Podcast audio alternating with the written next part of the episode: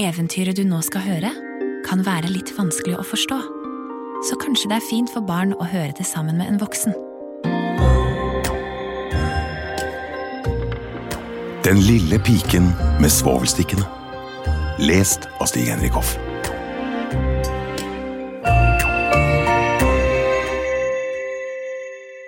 Det var så gruelig kaldt. Det snødde, og det begynte å bli mørk kveld. Det var også den siste aftenen i året, nyttårsaften. I denne kulden og i dette mørket gikk det på gaten en liten, fattig pike med bart hode og nakne føtter. Ja, hun hadde riktignok eh, hatt tøfler på da hun dro hjemmefra, men hva kunne det hjelpe?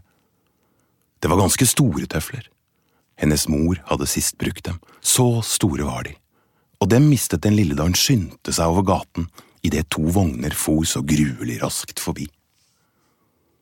Den ene tøffelen var ikke å finne, og den andre løp en gutt av med. Han sa at den kunne han bruke til vugge når han selv fikk barn. Der gikk nå den lille piken på de nakne små føttene, som var røde og blå av kulde. I et gammelt forkle holdt hun en mengde svovelstikker, og en bunt gikk hun med i hånden.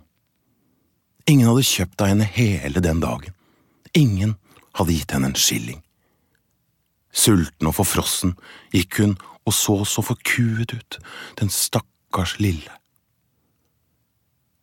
Snøfnuggene falt i hennes lange, gule hår, som krøllet så pent om nakken, men den stasen tenkte hun riktignok ikke på.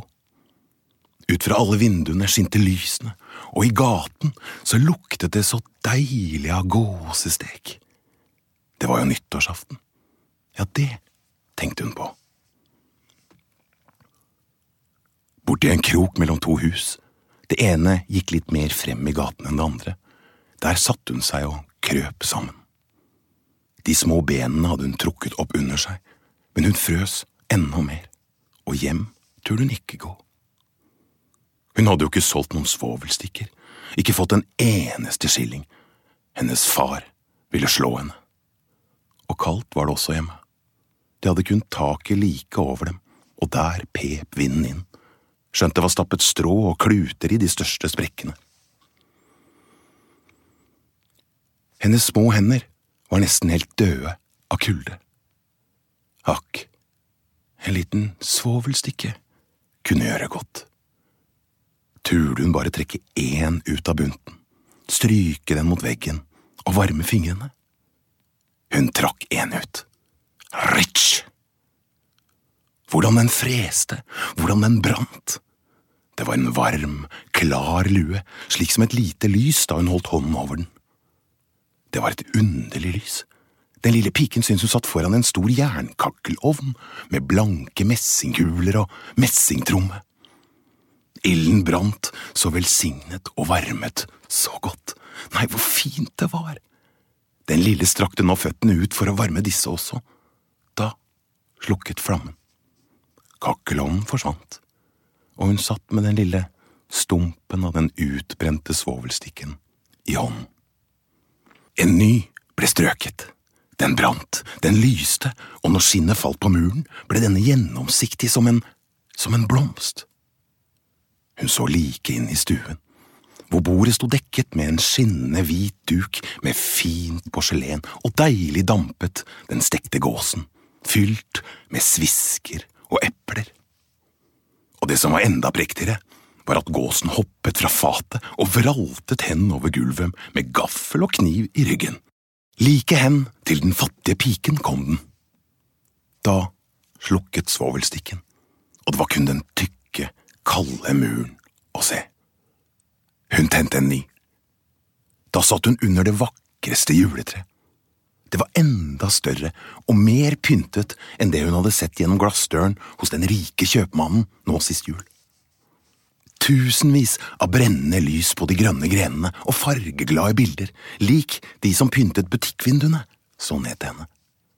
Den lille strakte begge hendene i været. Da slukket svovelstikken. De mange julelysene gikk høyere og høyere, hun så nå at de var de klare stjernene og en av dem falt og gjorde en lang ildstripe på himmelen. Nå dør det et menneske, sa den lille. For gamle mormor hadde sagt, når en stjerne faller, går en sjel opp til Gud. Mormor, som nå var død, var det eneste mennesket som hadde vært snill mot den lille piken. Hun strøk igjen en svovelstikke mot muren. Den lyste opp rundt om, og i skinnet sto den gamle mormoren, så klar og strålende, så mild og god. Mormor! ropte den lille. Og ta meg med, jeg vet du er borte når svovelstikken går ut, borte slik som den varme kakkelovnen, den deilige gåsesteken og det store velsignede juletreet. Og hun strøk i all hast resten av svovelstikkene som var i bunten. Hun ville så gjerne holde på mormor. Og svovelstikkene lyste med slik en glans at det ble lysere enn midt på lyse dagen. Mormor hadde aldri før vært så vakker og så stor. Hun løftet den lille piken opp på armen sin, og de fløy i lys og glede, så høyt, så høyt, og det fantes ingen kulde mer, og ingen sult og angst, de var hos Gud. Men i kroken ved huset satt den lille piken og var død da den kalde morgenen kom. Hun var frosset i hjel den siste kvelden i det gamle året. Hun satt der med røde kinn og et smil om munnen. Nyttårsmorgenen gikk opp over den lille døde som satt der med svovelstikkene sine. En bunt av dem var nesten brent opp. Hun har villet varme seg, sa folk. Ingen visste noe om alt det vakre hun hadde sett, om hvordan hun var gått sammen med mormor inn til nyttårsglede i stråleglans.